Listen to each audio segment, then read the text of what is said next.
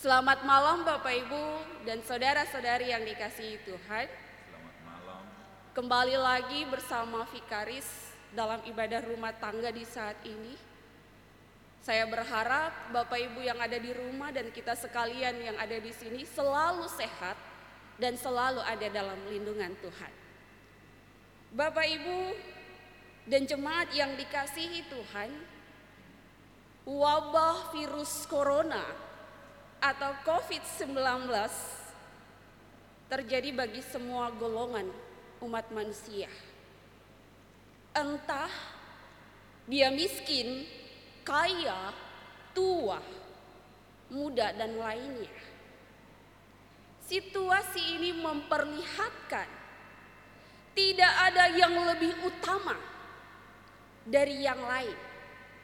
Kehormatan, kedudukan, jabatan, semuanya menjadi tidak bermakna dan tidak ada artinya. Yang menjadi bermakna dan menjadi berarti di situasi saat ini adalah kebersamaan dan kepedulian. Tanpa memandang situasi atau status sosial, tanpa memandang agama apa, ras dan golongan, semua orang menjadi pribadi yang peduli, menjadi pribadi yang perhatian untuk bergotong royong, bantu membantu dengan mengikuti arahan pemerintah, tidak menjadi penyebar virus corona atau COVID-19. Pada akhirnya, dalam situasi dan kondisi kehidupan kita saat ini membuat kita masuk dalam suatu perenungan. Bapak, Ibu, dan saya masuk dalam suatu perenungan kepada Tuhan, bahwa apa yang kita andalkan di dunia ini, kehormatan, jabatan, jemaat yang dikasihi Tuhan Menarik sekali bacaan kita saat ini. Di mana Lukas memberikan gambaran bahwa Yesus menasehati orang-orang banyak agar tidak bergegas mencari tempat terbaik di suatu pesta. Pertanyaannya, mengapa Tuhan Yesus fokus kepada tempat duduk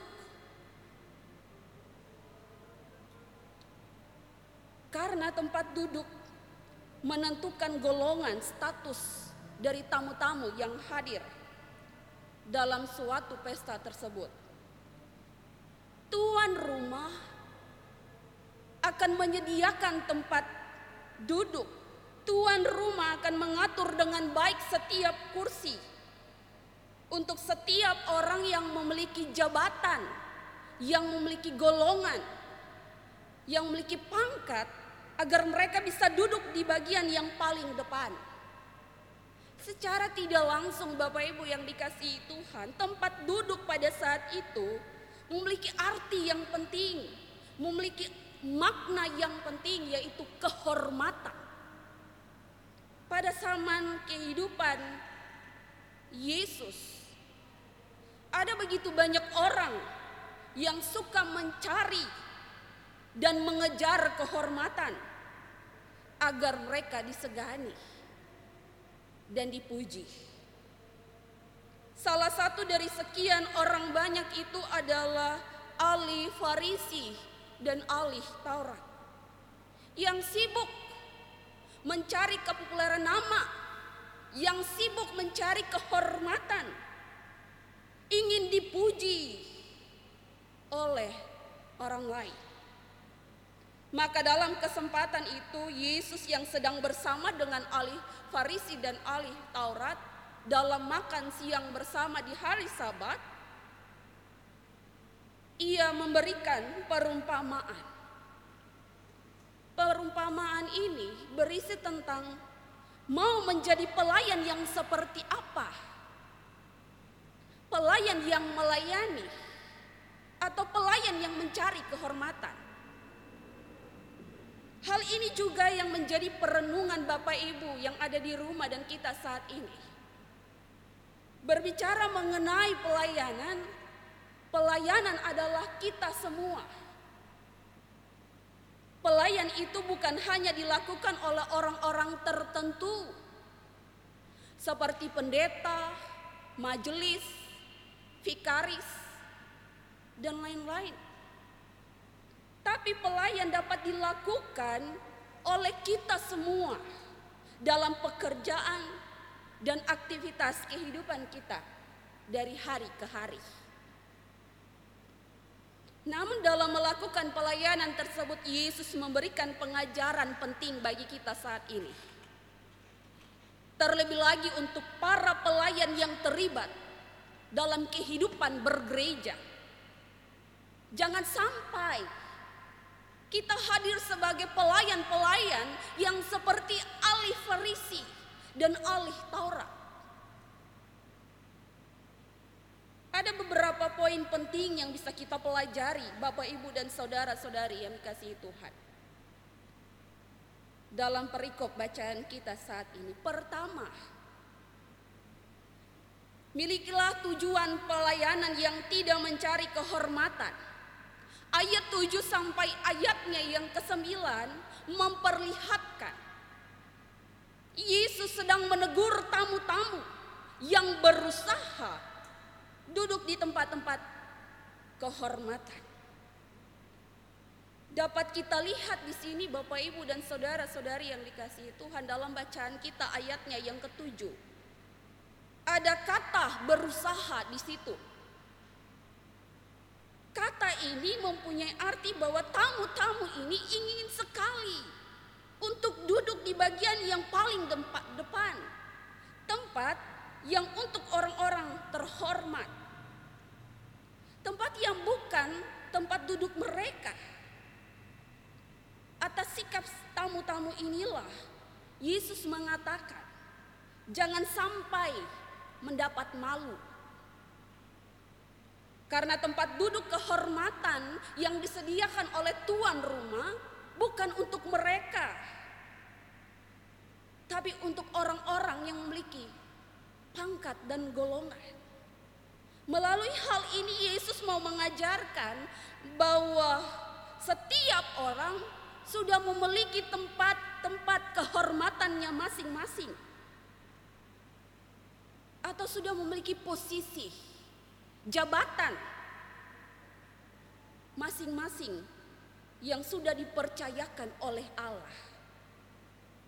Maka itu jangan mau memaksakan yang bukan posisi kita, tapi itu posisi orang lain. Kalau kita mencari kehormatan yang pada akhirnya bukan Tuhan yang mempermalukan kita, tapi kitalah yang mempermalukan diri kita sendiri. Belajar dari kehidupan Yesus Bapak Ibu dan saudara-saudara yang dikasihi Tuhan. Ia malah menggunakan tempat duduk kehormatannya. Sekali lagi, ia malah menggunakan tempat duduk kehormatannya sebagai anak Allah. Ia mengambil tempat terendah, bahkan di antara orang-orang yang direndahkan Yesus dibasuh oleh perempuan berdosa. Yesus bersama-sama dengan Sakeus seorang pemungut cukai. Yang Yesus lakukan justru tidak mencari kehormatan. Tetapi ia melayani. Itulah yang Yesus lakukan. Kehadirannya untuk menyelamatkan mereka yang ada di tempat-tempat terendah yang tidak terhormat. Demikian juga dengan kita, Bapak, Ibu, dan saudara-saudari yang ada di rumah. Kita juga diingatkan bahwa dalam posisi apa pun kita saat ini, itulah yang sudah Allah berikan. Jangan memaksakan kehendak, jangan mencari kehormatan, yang pada akhirnya nanti kita bukan menjadi yang lebih baik, malah kita juga yang mempermalukan diri kita sendiri. Mari Kita hadir sebagai pelayan yang dipercayakan oleh Tuhan untuk melayani sesama. Yang poin kedua, kita diingatkan dalam perikop bacaan saat ini adalah sebagai pelayan jangan memiliki sikap eksklusif. Kita tahu di tengah-tengah situasi kondisi saat ini, Bapak Ibu dan saya dan jemaat yang ada di saat ini, kita semua dipanggil untuk menjadi para pelayan yang melayani siapa pun. Dengan tidak memandang agama, suku, dan budaya siapakah orang tersebut. Juga tidak membayar, mem, membandingkan kaya miskin, punya jabatan atau tidak orang tersebut. Tapi dalam kondisi ini kita bahu membahu untuk memerangi virus corona atau COVID-19. Saling menguatkan, saling mengingatkan, dan saling mendoakan. Itulah tugas kita Bapak Ibu dan saudara-saudara yang dikasihi Tuhan. Yang harus kita lakukan secara terus-menerus. Jangan kita lakukan hanya dalam kondisi tertentu seperti keadaan saat ini. Karena virus corona atau COVID-19 baru kita mau mendoakan sesama. Karena virus ini baru kita mau peduli dengan orang lain. Tidak demikian. Yang Yesus ajarkan dalam perikop bacaan kita saat ini, ia menginginkan kita peduli, perhatian secara terus-menerus dalam kehidupan kita. Dengan tidak memandang status sosial.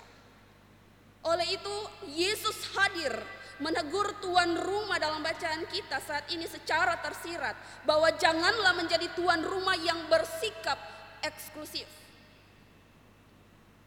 Yang mementingkan orang-orang penting yang hanya melayani kepada orang-orang yang memiliki jabatan atau golongan. Tapi mari jadilah pelayan atau tuan rumah yang berlaku adil bagi sesama. Setara bagi semua orang. Begitupun dengan kehidupan para pelayan. Dalam kehidupan berjemaat kita, bagi majelis, bagi pendeta dan vikaris. Kita harus melakukan pelayanan kita secara benar. Kita harus melakukan pelayanan kita tidak memilah-milah siapa yang harus kita layani. Tapi mari kita hadir sebagai pelayan bagi semua orang yang membutuhkan uluran tangan kasih kita. Dan bantulah mereka dalam kuat kuasa kasih Tuhan Yesus Kristus yang sudah kita rasakan dalam sepanjang perjalanan hidup ini. Poin yang ketiga yang bisa kita pelajari dari pelajaran atau pembacaan kita saat ini adalah milikilah kerendahan hati dalam pelayanan. Ini yang susah Bapak Ibu. Ini yang sulit. Ini yang tidak mudah untuk kita lakukan dalam kehidupan kita sebagai para pelayan. Seringkali kita sombong. Seringkali kita angkuh menjadi orang-orang yang selalu terlibat dalam pelayanan, entah dalam kehidupan kita, dalam pekerjaan kita, atau tugas panggilan kita di gereja. Pertanyaannya bagi kita semua, bagaimana Bapak Ibu yang ada di rumah, saudara-saudara yang ada di rumah, dan kita sekalian yang ada di sini, bagaimana kita bisa merendahkan hati kita? Apakah dengan cara membandingkan diri kita dengan orang lain? Tidak. Tapi dengan cara mari bandingkan diri kita, diri Bapak Ibu dan saya dengan Yesus Kristus sang pemilik hidup. Ketika kita ada dalam suatu momen yang demikian, ketika kita membandingkan diri kita dengan Yesus Kristus, kita akan menyadari bahwa siapakah kita di hadapan Allah? Siapakah kita ini? Kita hanya manusia berdosa dan penuh keterbatasan. Dan dalam pemaknaan yang demikian, kita mau melakukan pelayanan yang sudah Tuhan percayakan dalam kehidupan kita masing-masing pribadi. Kita akan melakukannya dengan benar, dengan setia, dengan jujur untuk kemuliaan nama Tuhan. Dan dengan merendahkan diri juga, merendahkan hati ini, maka kita tidak memposisikan diri kita lebih tinggi daripada orang lain. Sekali lagi, ketika kita merendahkan hati, maka kita tidak memposisikan diri lebih tinggi daripada orang lain. Namun kita hadir sebagai para pelayan yang sejajar, bahkan rela merendahkan sikap kita untuk melayani Tuhan dan melayani sesama. Bapak, Ibu, dan saudara-saudari yang dikasihi Tuhan, ketika kita memaknai kehidupan kita masing-masing pribadi, dan kita hadir sebagai orang-orang yang diutus dan dipanggil oleh Tuhan untuk masuk ke dalam dunia dan melakukan pelayanan, maka ingatlah firman Tuhan saat ini. Mari kita memiliki tujuan pelayanan yang benar, yang tidak mencari kehormatan, yang tidak mementingkan nama baik. Marilah kita menjadi pelayan yang tidak memilah-milah siapa yang harus kita layani. Dan mari dalam kerendahan hati kita, kita mau melakukan pelayanan yang sudah Tuhan percayakan dalam kehidupan kita, dalam posisi, dalam jabatan apa pun yang sudah Tuhan berikan. Jemaat yang dikasih Tuhan mengakhiri renungan kita saat ini. Kita diingatkan kembali. Bapak, Ibu, dan saya yang ada di rumah, kita mau menjadi pelayan yang seperti apa? Sekali lagi, kita mau menjadi pelayan yang seperti apa? Pelayan yang melayani atau pelayan yang dilayani yang pada akhirnya hanya gila hormat tuntut hormat. Ingat dalam bacaan kita Lukas 14 ayat 11 mengatakan sebab barang siapa meninggikan diri ia akan direndahkan dan barang siapa merendahkan diri, ia akan ditinggikan. Mari merenungkanlah firman Tuhan ini dan lakukanlah pelayanan yang sudah Tuhan percayakan dalam posisi dan jabatan apa pun yang kita miliki saat ini. Selamat menjadi pelayan yang melayani. Tuhan Yesus memberkati. Amén.